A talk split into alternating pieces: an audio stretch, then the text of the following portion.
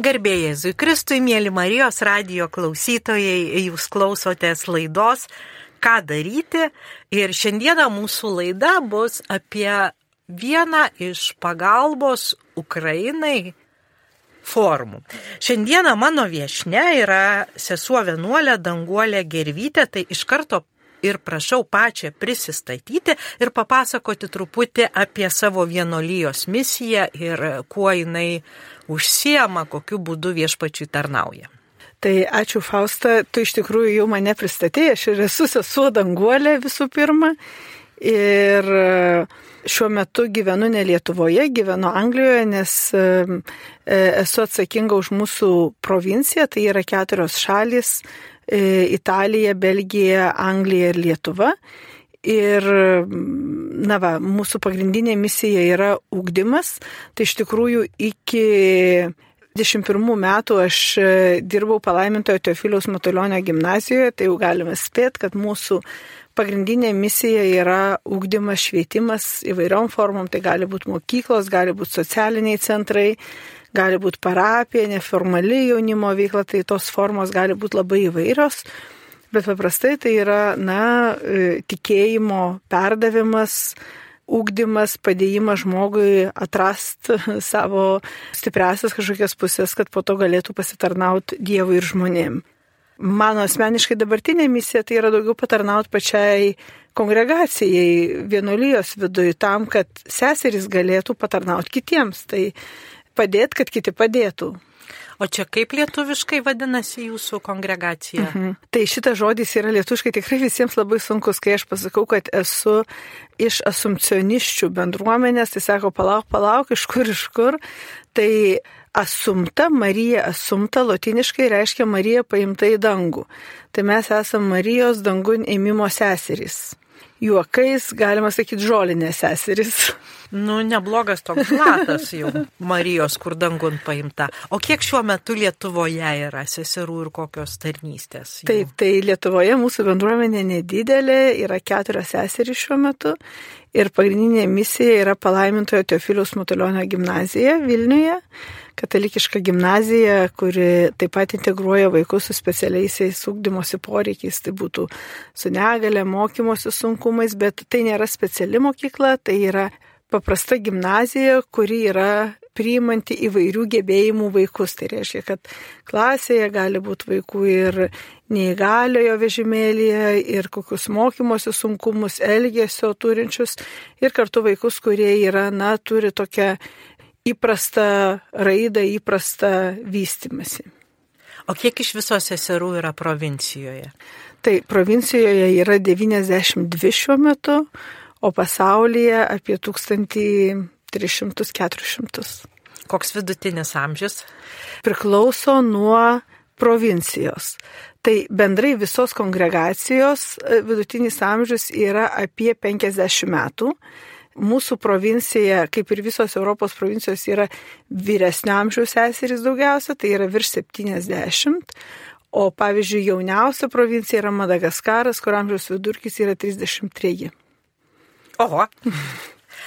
Tai iš tikrųjų mes susirinkom ne e, apie pačią vienolyje kalbėtis, bet su danguolė susisiekėm ir jinai sakė, kad nori truputį papasakoti apie tai, kaip jos, jos bendruomenė sureagavo į karą prasidėjusią Ukrainoje. Tai tikriausiai daugelis iš klausytojų kažkaip tai stengiasi prisidėti, kai kurie iš jūsų priemėte gyventi ukrainiečius į savo patalpas, kai kurie nuolat šelpėte juos, padedate jiems įsikurti Lietuvoje, siunčiate paramą į Ukrainą.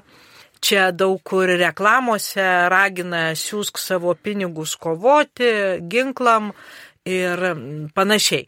Tai kiekvienas žmogus gali pasirinkti, kaip, kaip jis reaguoja į šitą situaciją. Kokia jūsų reakcija buvo? Tai ta reakcija, man atrodo, ir asmeniškai, ir organizacijų reakcija šiek tiek kinta nuo karo pradžios, nes jau antri metai, kai vyksta karas.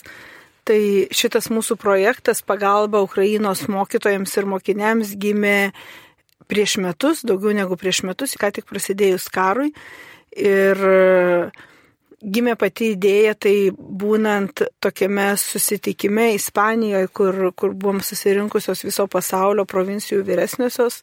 Ir grįžus iš to per vieną susitikimą su, su mūsų provincijos taryba, tikrai buvo tokia labai spontaniška intuicija, kad turim kažką daryti, kad turim kažką daryti mes kaip švietėjiška kongregacija.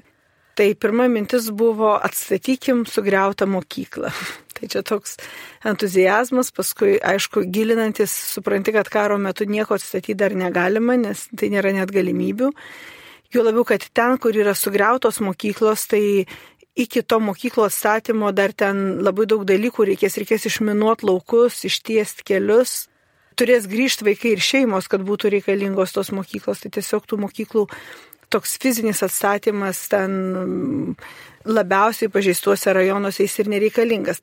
Aš kartais čia matau, kad renka aukas mokyklų atstatymui, tai aš dar, dar taip nu, galvoju, tai kokias ten mokyklas atstatinėja, nes kai pradėjom bendrauti su Ukraino švietimo darbuotojais, nes mes turim kontaktų su katalikiškų mokyklų asociacijos pirmininku, su keliom katalikiškom mokyklom, su valstybinė mokykla viena, tai Nu tai akivaizdu, čia dar ne iki atstatymo, šiuo metu tai neina kalba apie tai. Ir tada prasidėjo pokalbis su jais, nes ieškojom tikrai tokių patikimų partnerių, kad žinotumėm, kad mūsų pagalba tikrai nueina ten, kur reikia ir tiems, kam labiausiai reikia. Ir tiesiog pernai pavasarį ir praeitą vasarą, tai va čia beveik prieš metus, išsikristalizavo mūsų projekto tikslas, kad tikslas tai būtų padėti mokytojams, kurie patys yra ir mokytojai, ir psichologai, ir, ir žodžiu, mamos tėtės net kartais tampa vaikams.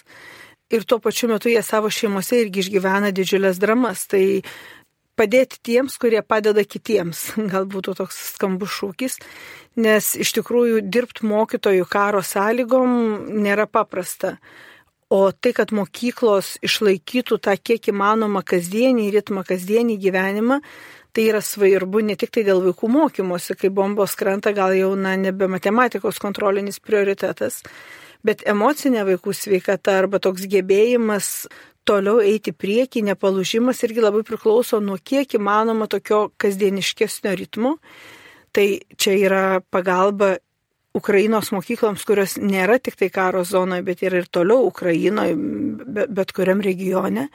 Kita kryptis tai yra pagalba mokytojams, kurie dirba su karo pabėgėlių vaikais arba su vaikais, kurių šeimos jau yra praradusios artimuosius, o praktiškai jau beveik kiekviena giminė, beveik kiekviena šeima yra na, paliesta netekčių arba tokių didelių sunkių sužeidimų ar namų netekimų.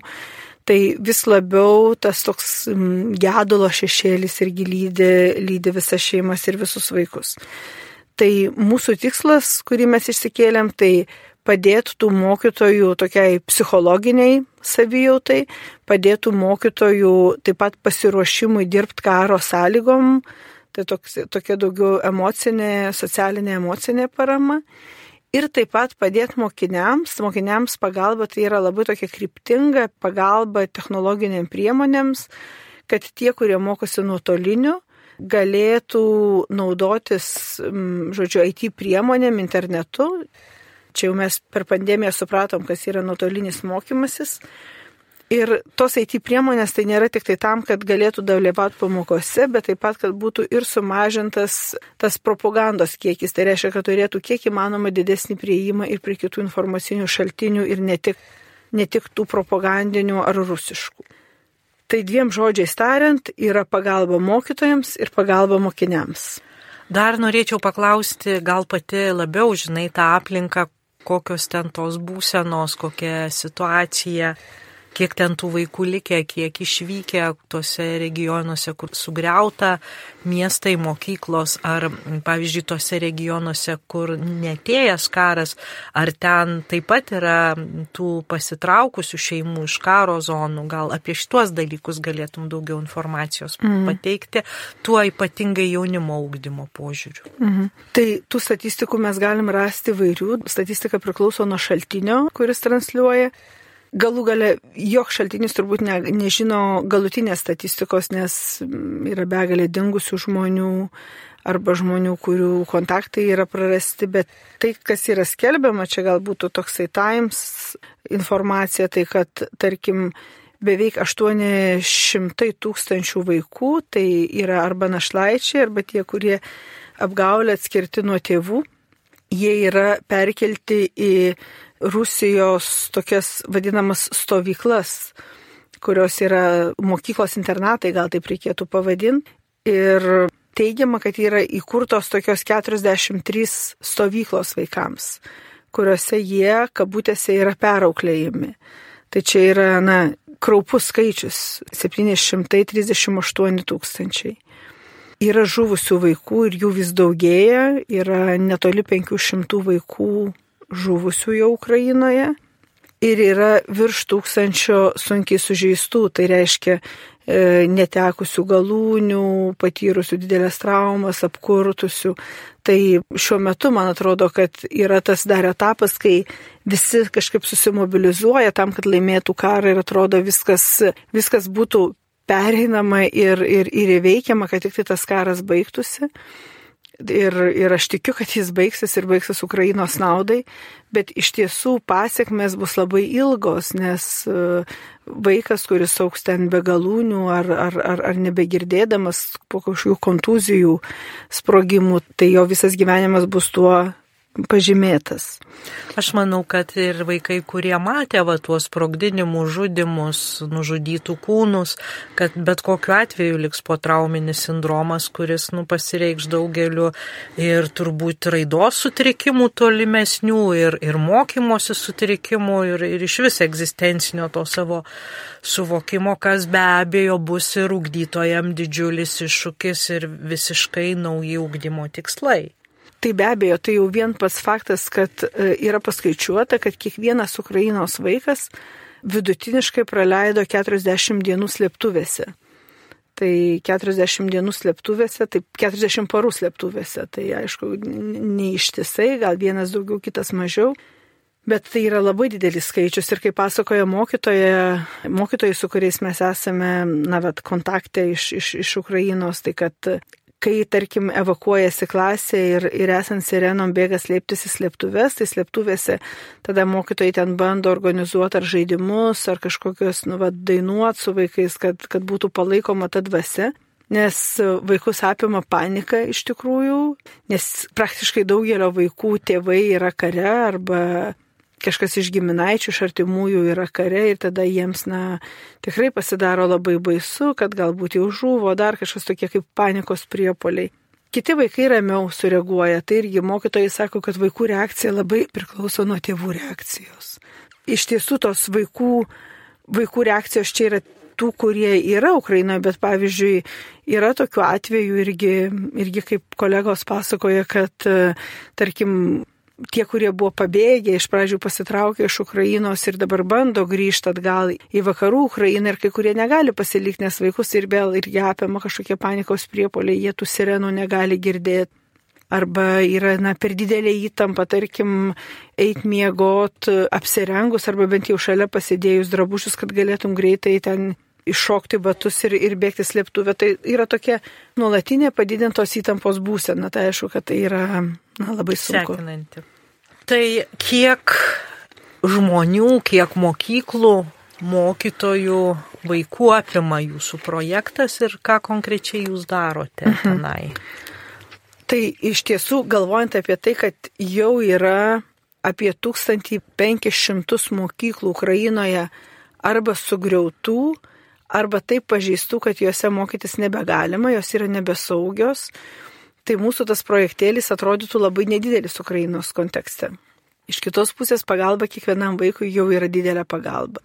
Tai mūsų pagrindiniai partneriai yra Ukrainos katalikiškų mokyklų asociacija. Tai čia yra, e, joje dalyvauja Romos katalikai Romos apieigų ir unitai. rytų apieigų, tai vadinami unitai. Asociacijai vadovauja kunigas Petro Maiba. Tai čia mūsų toks artimiausias bendradarbis ir ta asociacija yra artimiausia. Ir jie organizuoja mokytojams įvairius formacijos seminarus. Tai gali būti tiesiog savaitgalis, kad mokytojai galėtų turėti tarpusavio pagalbos grupės su psichologais, socialiniais darbuotojais. Gali būti kažkokia dvasinė formacija, ten na, rekolekcijos, kaip mes dažnai vadinam, kažkoks dvasinis susibūrimas.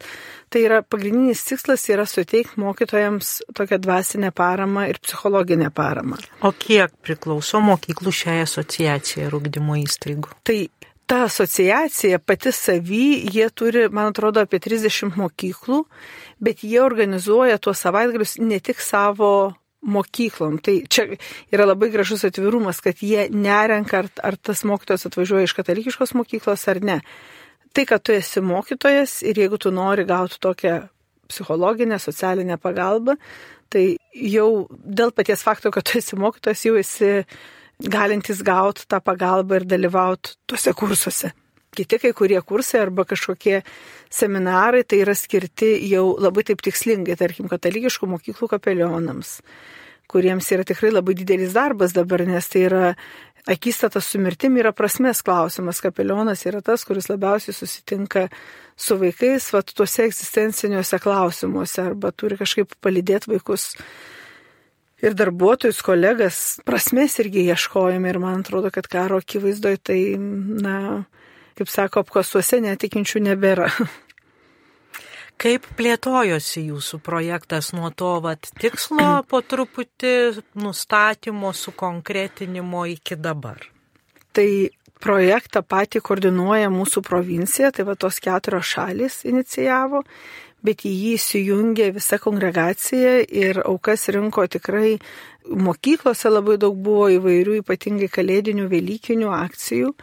Tai nuo tokių tipiškų mokyklų akcijų, kai tarkim ten vaikai kepa sausainius, pardavinėja, ten kaip sausainis, taip euras, arba dar kažkokios tokios akcijos, arba ten kitoje mokykloje buvo maratonas, tai kiekvienas vaikas už nubėgtus ten kilometrus kažkiek tai ten e, turėjo surinkti sponsorių, kurie remia jo bėgimą. Tai, tai tikrai tie tokie tradiciniai m, mm, aukų rinkimo būdai organizuoti kiekvienoje mokykloje ar ten kažkoks atsižadėjimas gavėnios, kad vietoje vietoj kažkokios pramogos ar saldumynų galima sutaupyti pinigėlių yra kiti ten tėvų ar, ar mūsų bendradarbių, suaugusių žmonių aukos, kurios yra jau tokios didesnės, nors čia sunku palyginti, kas yra didesnė auka, ar vaiko sutaupyti 3 eurai, ar, ar suaugusio žmogaus 30 eurų, kurie gal na, nelabai kažkaip taupyti, o daugiau tokie atliekami, tai čia nežinia, kas yra didesnė auka.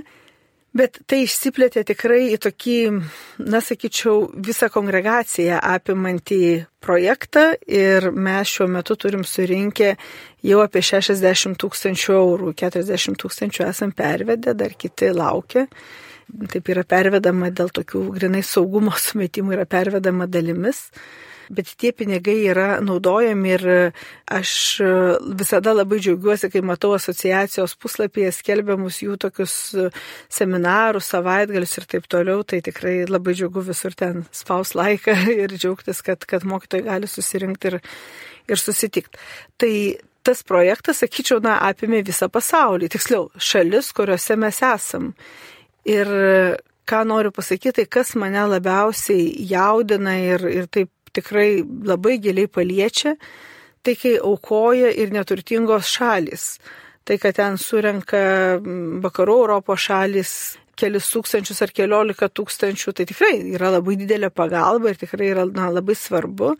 Bet kai tarkim kokia Indija, kuri net politiškai yra tokia neapsisprendus tarp Rusijos ir Ukrainos, ar ten Dramblio kaulo Respublika iš Afrikos, kai jie paukoja, surenka ten, tarkim, 3000 eurų, tai čia jiems yra didžiulė suma, yra nu, nežmoniška suma ir tai yra daug daugiau negu kitos turtingos šalies ten, ten keli tūkstančiai. Tai tas dalyvavimas yra na, tikrai labai reikšmingas ir dar galvoju, kad valstybės politika nepriklauso nuo žmonių tokių vat, noro padėti ar nepadėti, nes Tai mes žinom, kad ir Afrikoje, ir Azijoje yra šalių, kurios gal garsiai nedeklaruoja palaikančios Rusiją, bet niekada garsiai nepasako, kad palaiko ir Ukrainą. Toks neapsisprendimas. Tai iš tų šalių gauta parama, man atrodo, išreiškia, na, tokį liaudės tautos žmonių palankumo Ukrainai.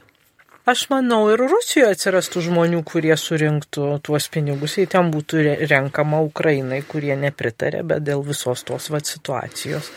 Nu, jeigu anonimiškai rinktų, tai taip, gal taip. surinktų, bet jeigu ne anonimiškai, tai taip, galbūt ir bijotų. Politiškai labai pavojinga būtų. jo, tai nebent kai kažkokia anoniminė dėžutė turėtų būti. Tai, žodžiu, jūsų ta veikla yra labiausiai tai tų pačių pinigėlių rinkimas ir užtikrintas pervedimas į, į patikimas rankas.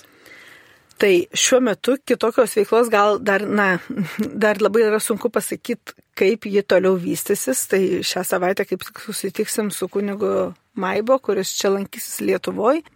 Tai žiūrėsim, kokie galėtų būti, na, tolimesnis vystimasis šiuo metu yra tokia, gal dar per anksti kalbėti, bet tokia sklandanti, sklandanti nauja projekto ta atšaka, tai kad asumcionistinė mokykla Danijoje, Kopenhagos tokia tarptautinė mokykla, bendradarbiaujant su Ukrainos ambasada Danijoje, norėtų pradėti tiesioginį mokyklų bendradarbiavimą ir mokytojų ūkdymą. Tai aš manau, kad ir mūsų mokykla galbūt ir Lietuvoje kažkaip tame dalyvaus, nes man atrodo, kad tą postsovietinį mąstymą mes turbūt puikiausiai Europoje suprantam ir, ir, ir, ir žinom, kaip kalbėtis. O išeities taškas to vat, naujo gimstančio projekto, tai kad kaip e, Ukrainos ambasadorius Danijoje sako, kad mes karą laimėti galim, bet taip pat turit keisti žmonių mentalitetas, kad ta taika būtų tvari. Tai man atrodo, mes Lietuvoje puikiai supratom, kad nepriklausomybę pasiekti galėjom, Bet kad laisvė būtų tvari, turi keistis visuomenės mąstymas, požiūris ir, ir gebėjimas veikti, o čia tik per švietimą tai keičiasi. Tai pažiūrėsim, koks tas bus projektas, dar kol kas negaliu visko atskleisti prisikalbėti pirmą laiko.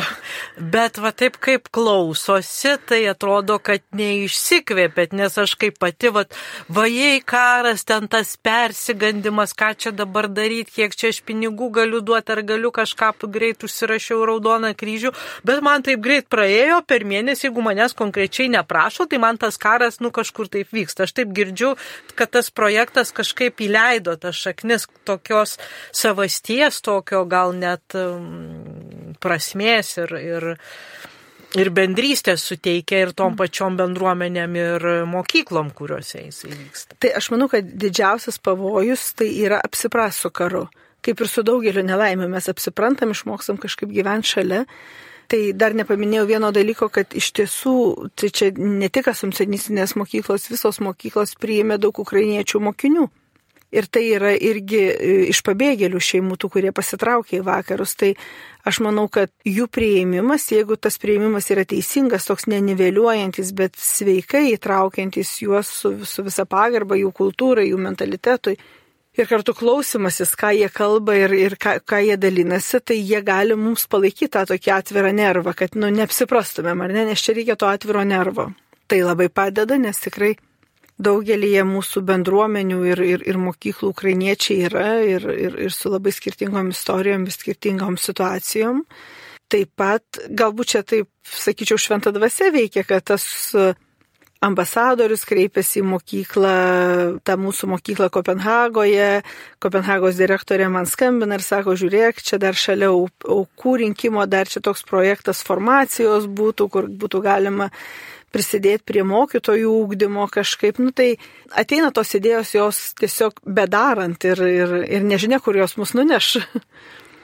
O jūs kaip kongregacija ar turit savo kažkokį tai informacinį, nežinau, laikraštį ar, ar ten kokį žinutę, kur gauna visos šalis, pavyzdžiui, kaip kiek tų pinigų surinkta, kur nuėjo, ar, ar tos seserys, kurios ten darbavosi Indijoje ar, ar kažkur ten Afrikoje ar Madagaskarė rinkdamos taip brangiai kainuojančias tas monetas, ar jos, nu, vat, gauna tą grįžtamą ryšį iš viso. Tai žinoma, kad gauna, tai buvo tokie tarpiniai laiškai ir, ir taip pat interneto svetainėje ir, ir kongregacijos naujienlaiškyje, o dabar mes paruošėm tokį išsamų visom trim pagrindiniam kongregacijos kalbom, tai anglų, ispanų, prancūzų kalba ir aišku lietuvių, nes čia mes esame artimiausiai man atrodo, kad vaidinam labai ypatingą vaidmenį šitame projekte kaip lietuviai. Ir lietuvių kalba tokie naujienlaiški ne tik seserims, bet ir mokykloms, bendradarbiams, mūsų bičiuliams, kuriame yra aprašyti kas vyksta, jau kas yra padaryta už tuos pinigus, yra kunigo Maiba padėka, yra interviu ten su tokia mokytoja iš Lvyvo Lese, kuri yra anglų kalbos mokytoja ir kuri pasakoja apie mokyklos kasdienybę Ukrainoje šiandien.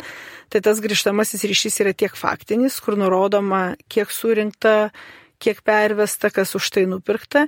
Ir kartu toks emocinis palaikymas, tarkim, mokytojos liūdėjimas toks na, atrodytų labai paprastas, kur ji, pavyzdžiui, prieš duodama interviu sako, oi kaip gerai, kad atsirado prieš kelias valandas elektra, nes prieš įrašą suspėjau užsiplaut galvą ir išsižiovint plaukus, nes neveikė elektra, tai reiškia, na, nebuvo, nebuvo ir vandens siurblys neveikė. Tai tai iš karto supranti, koks kontekstas iš čia, apie ką mes čia kalbam. Tai jos tas interviu tiesiog apie mokyklų ir, ir mokytojų kasdienybę. Tai aišku, kad tas naujienų nuolatinis, tas grįžtamasis ryšys yra, yra labai svarbus.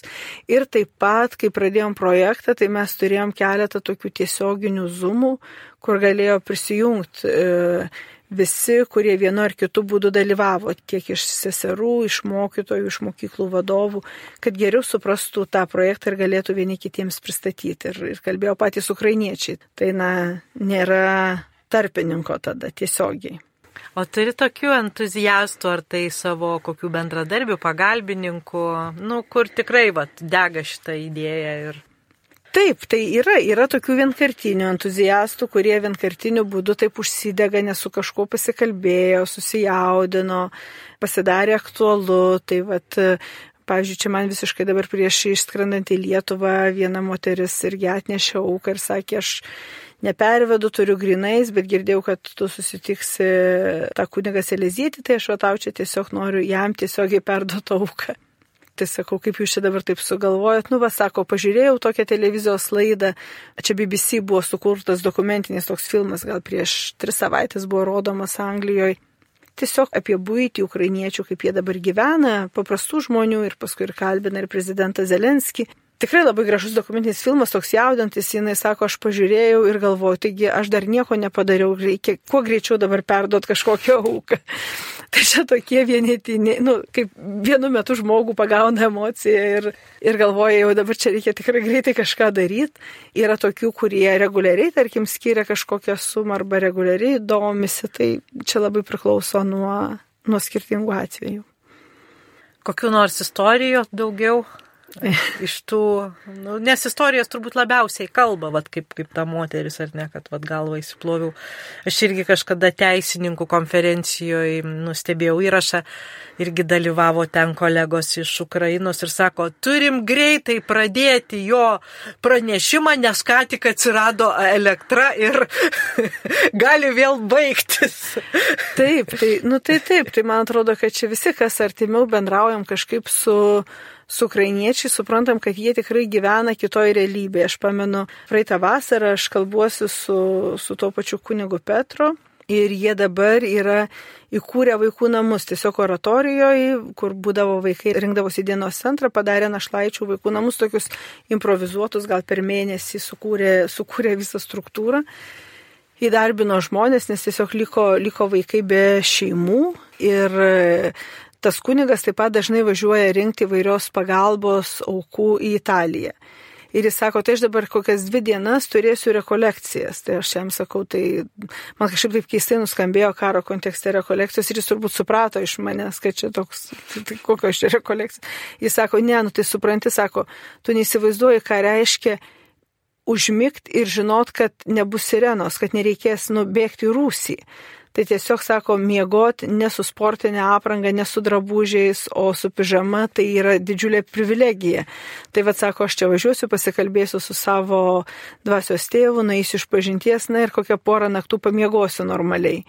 Tai aš tada galvoju, tai tikrai mes eidami ilsėtis vakare neįvertinam, ką reiškia nustatyti žadintuvą ir žinot, kad tave pažadins ko gero tik žadintuvas, o ne sirenos ir, ir kad sukaukus sirenom reikės, reikės bėgti slėptuvę.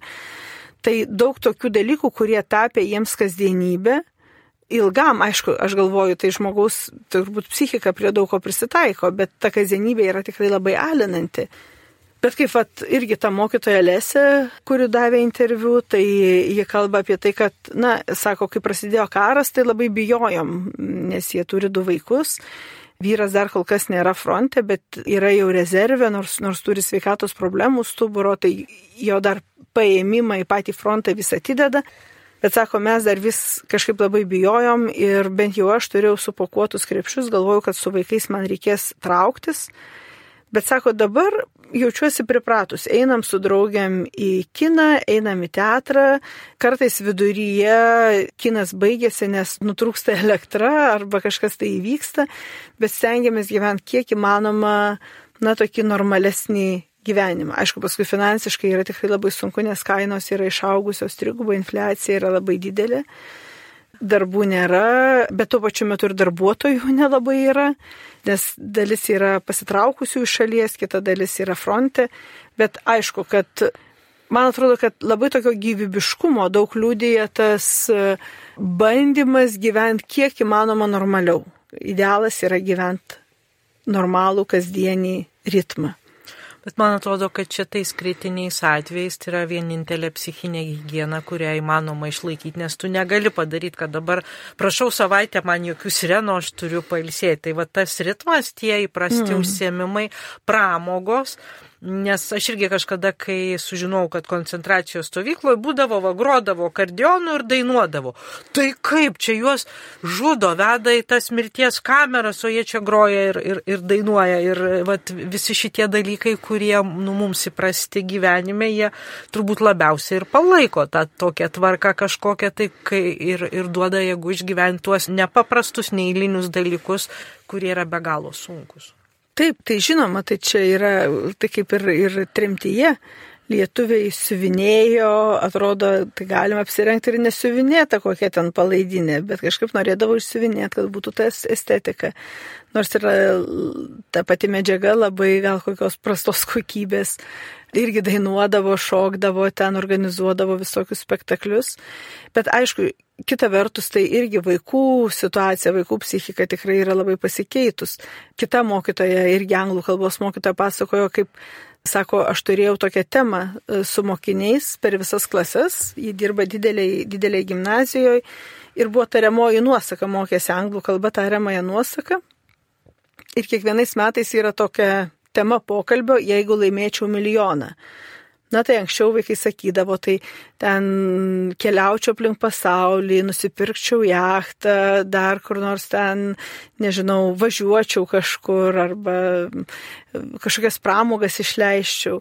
Tai praktiškai dabar, sakė, irgi lygiai tą pačią temą turėjo su, su, su tos pačios klasės vaikais.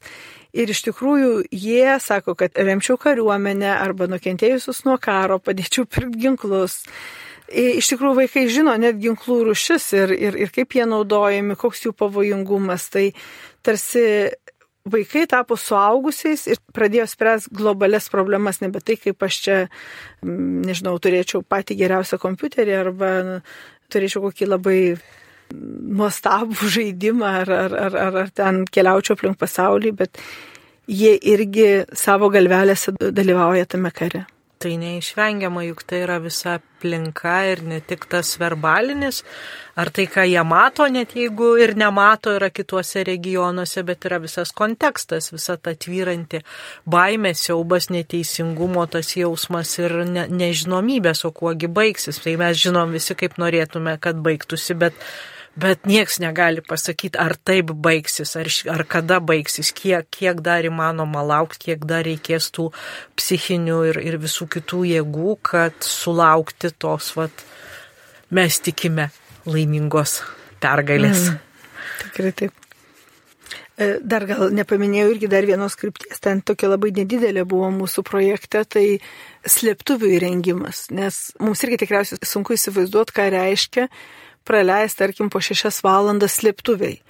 Tai reikia įsivaizduoti, kad dabar aš nueinu į savo rūsį, kur yra uogienė arba bulvės ir ten sėdžiu šešias valandas. Tai jeigu žinau, kad tik tai šešias ir po šešių tikrai išeisiu, tai dar gal tas šešias galima kažkaip išsėdėti.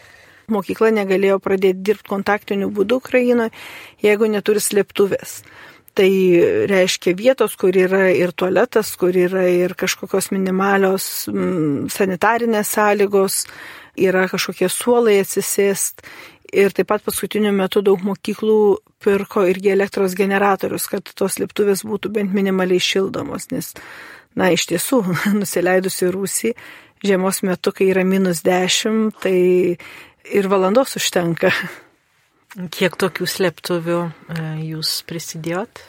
Tai mes prisidėjom, iš tikrųjų, aš tokio dabar skaičiaus nepasakysiu, mes dešimčiai slėptuvių tai prisidėjom generatorių pirkime, bet tai nėra tik tai pilnai mes, paprastai būna kelios organizacijos, kelios labdaros organizacijos, iš kurių susideda tas fondas pirkimo generatorių arba ten, tarkim, dažymo slėptuvių ir panašiai.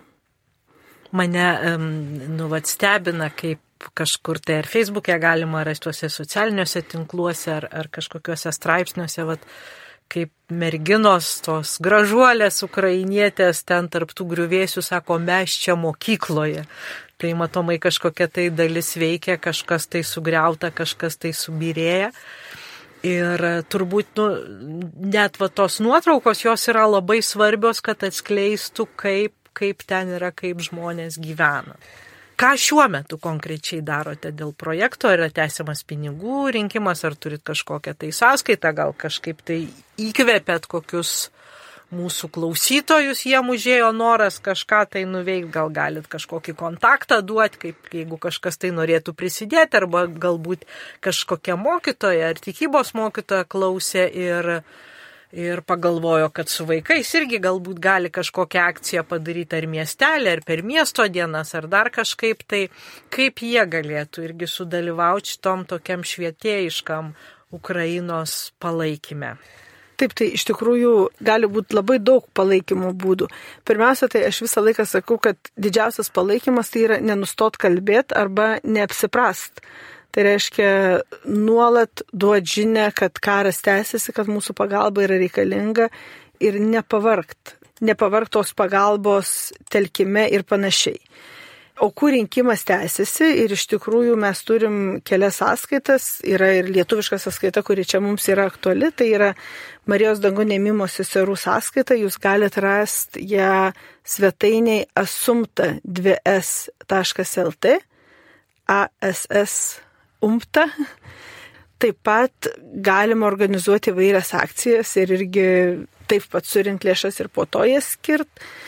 Kita galima pagalba tai galbūt būtų ir, tarkim, svarstymas, jeigu kažkokio ūkdymo įstaiga norėtų padėti kitai ūkdymo įstaigai tiesiogiai, tai mes tikrai galim tapti tarpininkais kur vieną mokyklą suvedam su kita mokykla, kas irgi kartais yra gerai, juk nebūtina, nebūtini tarpininkai arba nebūtini kažkokie. Valstybės atskiri organai. Valstybės atskiri organai gali tiesiog pagalba iš vienos mokyklos į kitą mokyklą. Tai gali būti materialinė pagalba, gali būti pagalba kažkokiais laiškais, palaikymu. Aš manau, kad ukrainiečiams labai svarbu žinot, kad na, mes esam su jais. Man tai vat, per visą šitą e, mūsų pokalbį tokia vat, idėja atsivežti tuos vaikus, padaryti stovyklą bent jau kokio mėnesio, kad jie galėtų Taip. išsimiegoti. Taip, tai iš tikrųjų vaikų tas atsivežimas yra toks sunkokas, nes yra vaikų teisės ir vaikų apsauga labai veikia, kad nebūtų vaikų išvežimo, kad na, nebūtumėm kaip Rusijos e, e evokacijos tos, e, kur, e, vaikus. kur sako, kad mes padėsim, bet iš tikrųjų išveža vaikus. Bet pavyzdžiui, galbūt galima pasikviesti kažkokią šeimą atostogom ir padovanoti jiems atostogas prie jų jūros arba kartu su ta šeima būtų atostogaut kaime, sodyboje. Tai čia jau yra didžiulės atostogos, nes ukrainiečiai su savo pajėgom, tarkim, mama su vaikais, turbūt tėvas tai nelabai ir galės išvažiuoti, nes iš viso vyrai negali karo metu palikti šalies, yra sunku gauti leidimą išvažiavimui, netgi jeigu jie nėra fronte. Bet galbūt, pavyzdžiui, mama su vaikais galėtų atvažiuoti, kad ir savaitę į kažkokią šeimą ir, ir, ir aplankyti. Bet čia aš manau, kad čia jau daugiau reikėtų derinti per kitas labdaros organizacijas. Mes tokio tarpininkavimo, na, neorganizuojame. Mes galbūt daugiau mokykla mokyklai galim prisidėti. Bet aš manau, kad iš tiesų tikrai yra skelbiamos tos akcijos ten nupirk droną, nupirk dar ten kažkokį ginklą arba e, apaukarį, e, nupirk ten vaistus ar bintą. Bet aš manau, kad jų atsparumas priklauso ne tik tai nuo tų, kurie yra tiesiogiai fronte, bet ir nuo tų, kurie yra užnugaryje, nes užnugaris irgi palaiko frontą. Kaip sako, tai yra kad... ta dvasia, dėl ko kovoja, juk daugelis vyrų iš tikrųjų yra pasirengę mirti ne už kažkokią tai abstrakčią idėją, bet už savo šeimą, už savo vaikus. Ir jeigu jau tie vaikai nelabai nori gyventi ir, ir sako jau bet kokiu būdu geriau taika negu čia laisvė, tai turbūt irgi tiem kariam jau ne kažkas. Motivacija tam... irgi dinksta. Taip. Tai aš dabar nebepamenu, aš kažkokiam interviu su Lietuvos vienu iš karininkų skaičiau tokį pastebėjimą, kad e, ukrainietis karys, jeigu jo šeima gyvena blogai, tai iš jo lieka pusė kario. Tai reiškia, jeigu ta emocinė būklė šeimos yra prasta, tai aišku, kad kariaujančiam irgi tampa labai sunku. Na va ir mūsų laikas jau visai artėja į pabaigą. Ką dar norėtum pasakyti mūsų klausytojams? Oi, nežinau, man atrodo, aš jau tiek daug visko prikalbėjau, tai gal tikrai pakartot tą kvietimą tiek remt, tiek kalbėti savo aplinkoje apie Ukrainą, nepaliaud domėtis, nepaliaud skaityti, nes kartais jau mes pradedam ir žinias, tai kaip sakoma, praskrolint kai kurias, kai kurias antraštės. Ir aišku, tikrai melstis už Ukrainą ir melstis, melstis už to žmonės. Gal nedėkoti už juos, nes kol jie stovi, mes esam ramus. Arba bent turėtumėm būti ramus. Tai mūsų karas, kurį kavoja tie žmonės. Mm, tikrai taip. Tai, mėly Marijos radio klausytojai, jūs klausėtės laidos Ką daryti ir kaip netikėtai šiandien kalbėjome su vienuolė seserimi Danguolė Gervytė apie karą Ukrainoje ir pagalbą švietimui. Dėkojame, kad klausotės Marijos radio, likite su mumis sudė.